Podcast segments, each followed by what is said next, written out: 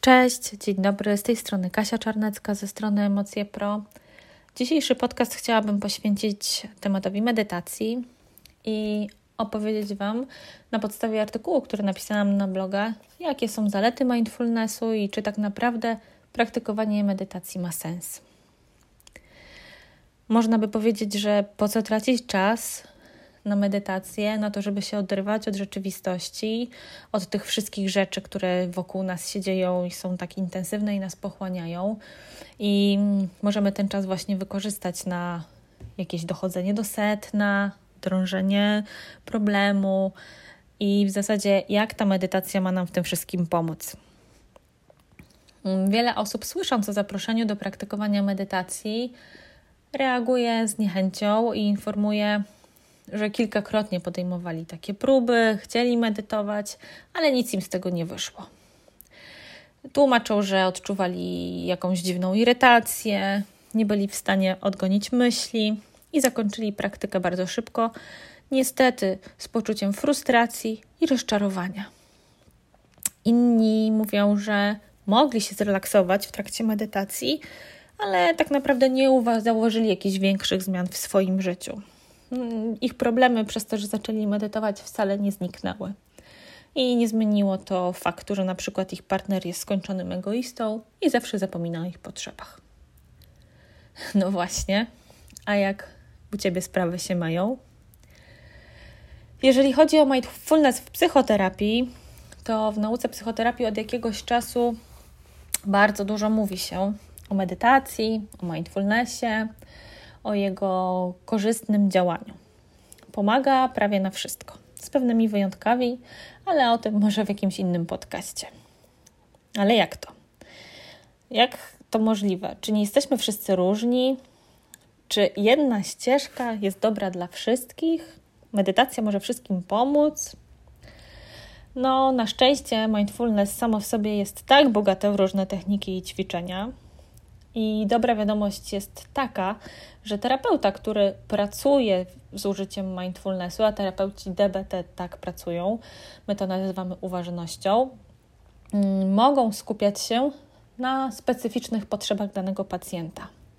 Na przykład bardziej koncentrować się na fizjologii ciała albo na funkcjonowaniu umysłu. Może to być na przykład nauka nieoceniania, a dla innych ćwiczenie umiejętności związanej z samowspółczuciem. Praktykując samodzielnie, również możemy w miarę poznawania oraz doświadczenia różnych technik dostosować się do siebie, zobaczyć, z czym się najlepiej czujemy, co nam najbardziej pomaga, z czym nam jest najwygodniej. Najlepiej zacząć od czegoś prostego, szczególnie kiedy stawiamy pierwsze kroki i medytacja wydaje nam się tak trudna jak wejście na Kilimandżaro. Pamiętaj, że osądzanie, krytykowanie swoich umiejętności medytacyjnych będzie jedynie piętrzyć przeszkody. Najlepiej zacząć chociażby od obserwowania i móc opowiedzieć swoją historię.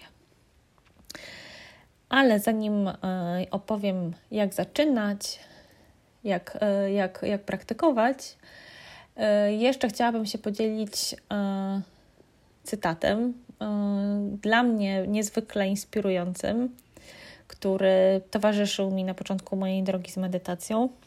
Może też będzie służył i Wam. Sądzę, że masz i chęci, i talent. Większy niż sądzisz, ale mniejszy niż pragniesz. Ale takich, co mają i chęci, i talent, jest wielu, a mimo to większość z nich nigdy do niczego nie dochodzi. To tylko punkt wyjścia, by cokolwiek w życiu zrobić. Wrodzony talent jest jak siła dla sportowca. Można urodzić się z większymi lub mniejszymi zdolnościami. Ale nikt nie zostaje sportowcem tylko i wyłącznie dlatego, że urodził się wysoki, silny lub szybki. Tym, co czyni kogoś sportowcem, jest praca, praktyka i technika. Wrodzona inteligencja jest tylko i wyłącznie amunicją.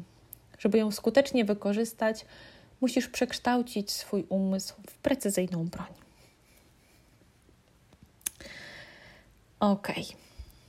A jak medytacja wpływa może na, na przykład na nasze emocje i nastroje?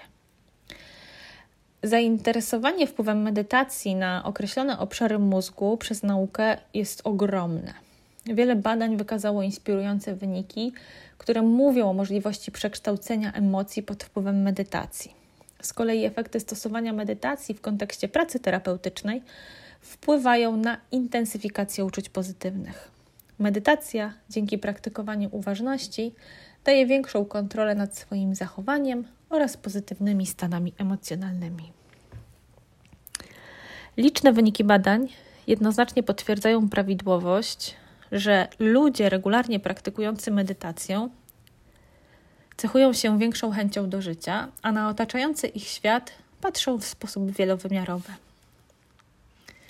Bardzo ciekawą zależność wykazały badania w zakresie zależności pomiędzy wrażliwością a odpornością emocjonalną. Medytacja wpływa na nasz próg wrażliwości, czyniąc nas bardziej empatycznymi i wrażliwymi na potrzeby innych i równocześnie podnosi naszą wytrzymałość emocjonalną. Nasza reaktywność ulega osłabieniu, a tym samym spada podatność na emocje awersyjne. Praktyka uważności pozwala reagować w sposób zrównoważony i oparty na faktach, zamiast w oparciu o tak zwanego automatycznego pilota. Poprzez utarte szlaki poznawcze, na przykład. Korzyści płynące z systematycznej praktyki medytacji mogą wpływać na kształtowanie pozytywnych emocji oraz postaw, przykład spokój, otwartość społeczna, współczucie i twórczość. Kolejną zaletą jest jej wpływ na neuroplastyczność mózgu, czyli zdolność tkanki nerwowej do tworzenia nowych połączeń mających na celu ich reorganizację, adaptację, zmienność, regenerację i procesy uczenia się oraz pamięci. Badania e, Davidsona, neurologa z Uniwersytetu Wisconsin, prowadzone we współpracy z Dalai Lamą, wskazują, że długoterminowe lub też krótkoterminowe praktyki medytacji wpływają na aktywności w obszarach mózgu związanych z takimi cechami jak uwaga, niepokój, depresja, strach, gniew czy zdolność naszego organizmu do samoleczenia. Te zmiany funkcjonalne mogą być spowodowane przez zmiany w fizycznej strukturze mózgu. Regularna praktyka sprzyja postawie jasności umysłu, co umożliwia precyzyjne rozpoznanie stanu emocjonalnego, w jakim się znajdujemy. Największe zmiany obserwowane są u osób praktykujących od wielu lat. Wraz z upływem czasu struktury mózgowe w sposób naturalny podlegają degradacji, ale wraz z praktykowaniem i rozwojem umiejętności związanych z uważnością, te zmiany mogą ulec znacznemu spowolnieniu. Badań jest tak naprawdę bardzo, bardzo dużo. Przytoczyłam tutaj takie najciekawsze e, wyniki ale, ale jest tego bardzo, bardzo dużo i jeżeli interesujecie się tematem medytacji, to bez problemu znajdziecie je w sieci. Jeżeli możemy gdzieś zacząć praktykę uważności, to na początek warto skupić się na umiejętności akceptacji swoich uczuć, zarówno tych pozytywnych, jak i negatywnych. Wszystkie emocje są nam potrzebne i są naszym unikalnym językiem, który umożliwia komunikację ze światem, a każda ze skrajności jest pewną częścią tego kształtu, całokształtu. Y, wiele osób y, praktykując uważność skarży się na to, że nie udało im się wcale poczuć lepiej, albo dzisiaj czują się źle i nie są w nastroju do medytacji. Ale tak jak sama nazwa wskazuje, medytacja czy praktyka uważności jest umiejętnością bycia z tym, co jest, tu i teraz, ze wszystkimi emocjami, które, mi, które nam towarzyszą, bez względu na to, czy to są emocje pozytywne czy negatywne. Gdyby chodziło tutaj o polepszenie nastroju, o dobry nastrój, to na pewno nazywałoby się to inaczej, może na przykład praktyka polepszania nastroju. A nie bez powodu nazywa się to praktyką uważności. Bardzo często chcielibyśmy doświadczać jedynie tych pozytywnych nastrojów przy jednoczesnym odcięciu się od negatywnych przeżyć. Czy kiedykolwiek chcielibyśmy świadomie z własnego wyboru na przykład odczuwać frustrację, złość, gniew czy zazdrość? No nie. Ale może warto pomyśleć o kwitnących kaktusach. Są przepiękne. I to jest świetna metafora, bo wszystkie emocje są nam potrzebne, zarówno te negatywne, czyli kolce kaktusa, jak i te dobre, pożądane, pozytywne, czyli kwiaty, ponieważ są dla nas niczym busola. To emocje wskazują kierunek, a dzięki praktyce uważności w połączeniu z logiczną częścią naszego umysłu pozwalają podejmować świadome decyzje. Tak zwany mądry umysł. Możemy obserwować nasze emocje w dowolnym momencie, każdego dnia. Nie potrzebujemy ich oceniać, a jedynie podejmujemy próby zauważania oraz koncentrowania się na nich, zamiast oceniać je czy blokować. Nie musimy ubierać ich w słowa i nadawać im znaczeń, a jedynie, a może nawet aż tyle, skupić się na nich w sposób uważny. Jakby to mogło wyglądać krok po kroku. Stań lub usiądź wygodnie i po prostu skup się na tym, co aktualnie odczuwasz. Staraj się oglądać z różnych perspektyw, przez lupę, niczym naukowiec jakiś egzotyczny okaz. Możesz spróbować opisać to, czego doświadczasz, jeżeli potrzebujesz, jeżeli to będzie dla ciebie pomocne. Kolejnym etapem uważności może być skupienie się na doznaniach somatycznych. Bardzo często można sobie w takich momentach zlokalizować napięcia mięśniowe w różnych częściach ciała.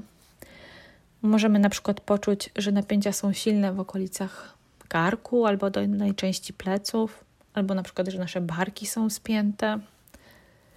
Przy tym wszystkim staramy się wracać, nie zapominać o naszym oddechu i kierować go właśnie w te miejsca. Równolegle obserwujemy swoje emocje oraz ciało. Zauważamy, gdzie są zlokalizowane i jakie doznania wywołują w naszym ciele. Zauważ, jakie myśli się w związku z tymi emocjami pojawiają. Z dużym prawdopodobieństwem może wydarzyć się tak, że te emocje zaczną się zmieniać. Zwiększą się, a potem zblendną, a może będą falować. Staraj się podążać za tymi zmianami i w momencie, w którym poczujesz, że jest bardziej intensywna, pozostań przy niej i obserwuj, co będzie kolejno następowało. Zobacz, jaka jest różnica pomiędzy akceptowaniem emocji a ich blokowaniem.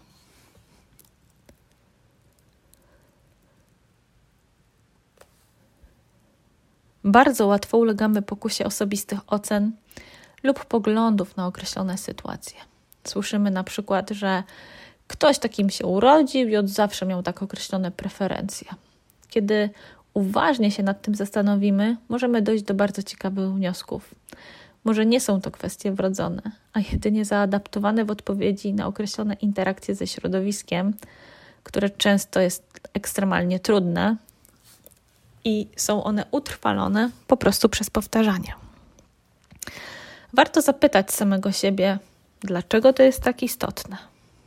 Po co tego potrzebujemy? Dlaczego to ma tak duże znaczenie? A gdyby tego przekonania nie było, to jaką osobą byś był, była? Czy to przekonanie jest efektywne? Czy to przekonanie jest skuteczne? Czy dobrze wpływa to na moje życie? Czy to zwiększa jakość mojego życia? Czy to czyni mnie szczęśliwym, szczęśliwą? Czasami może zdarzyć się też tak, że będzie nam trudno się uspokoić. Pamiętaj, że medytacja do tego nie służy.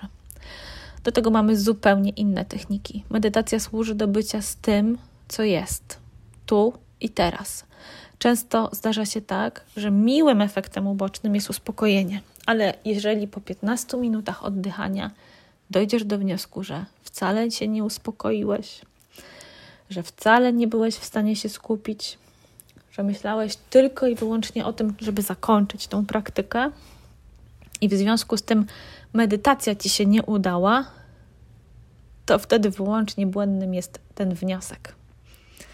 Medytacja nie może się nie udać. Nie można jej zrobić źle. Jeśli jesteś ze swoim doświadczeniem, dajmy na to z oddechem, zauważasz odpływanie myśli i wracasz do oddechu. Niezależnie ile razy to się stanie, to medytujesz dobrze. Nic więcej nie musisz robić. Oczywiście możemy sobie trochę to ułatwić, uprzyjemnić. Może na przykład warto pomyśleć o stworzeniu sobie miejsca, które będzie dla nas spokojne i bezpieczne. To może być wygodny fotel w rogu pokoju, miękki dywan, jakaś pufa, może nawet łóżko. Może być pomocne również wyznaczenie jakiejś stałej godziny, że na przykład codziennie o 7 rano będę praktykować uważność przez 3 minuty. Jak już będziemy mieli takie miejsce, to staramy się pamiętać o postawie, o pozycji do medytacji, o tym, żeby nasze ciało też zakodowało, kojarzyło naszą postawę z gotowością do uważności. Siedzimy wyprostowani, przyjmujemy pozycję pełną godności, nie krzyżujemy nóg, nie krzyżujemy rąk. Możemy mieć zamknięte oczy, ale możemy mieć też półprzymknięte, jeżeli źle się czujemy z zamkniętymi oczami. Ważne jest też to, żeby postarać się na tyle, na ile to jest możliwe, rozluźnić mięśnie twarzy poprzez delikatny półuśmiech, taki niewidoczny dla innych, i unieść naszą brodę, bo to jest komunikat, który pozwala nam być bardziej obecnym. Opuszczona broda w kierunku klatki piersiowej może komunikować senność, znużenie. Kiedy doświadczamy silnych emocji, nasz oddech się zmienia i oddychamy zupełnie inaczej, aniżeli wtedy, gdy jesteśmy spokojni. Dzieje się tak dlatego, że kiedy doświadczamy stresu, mięśnie klatki piersiowej napinają się. Niektóre osoby wrażliwe mają już na stałe płytki oddech albo napięte mięśnie, ale dzięki medytacji można takie rzeczy sobie uświadomić i nad nimi pracować. Warto wtedy starać się kierować swój oddech właśnie w te miejsca, te, w których wyczuwamy napięcia. Staramy się skupiać na doznaniach płynących z ciała. Po pewnym czasie zauważysz, że Twój oddech zacznie się zmieniać i stanie się bardziej miękki, i naturalny. Medytacja wymaga od nas cierpliwości i zaufania, ale czasami już po kilku sesjach pracy nad trudną emocją czy jakimś stresem możesz zauważyć postępy. Na przykład większa akceptacja, a tym samym ulga w jakimś stopniu dzięki eliminacji metaemocji. Poza wszystkim warto traktować praktykę uważności poważnie, ale też z odpowiednią dozą poczucia humoru. Tak samo w życiu ta dialektyka, powaga i poczucie humoru jednocześnie bywa przydatna. Poczucie humoru, obrócenie w żart pozwalają nam zdystansować się i przynajmniej chwilowo odłączyć od danej sytuacji. Może czasami traktujemy okoliczności innych samych zbyt poważnie. Poszukaj perspektywy, która pozwoli patrzeć na sprawę z przymrużeniem oka. Kiedy okaże się, że to możliwe, to z dużym prawdopodobieństwem będziesz zdziwiony lub zdziwiona zmianą swojego punktu widzenia.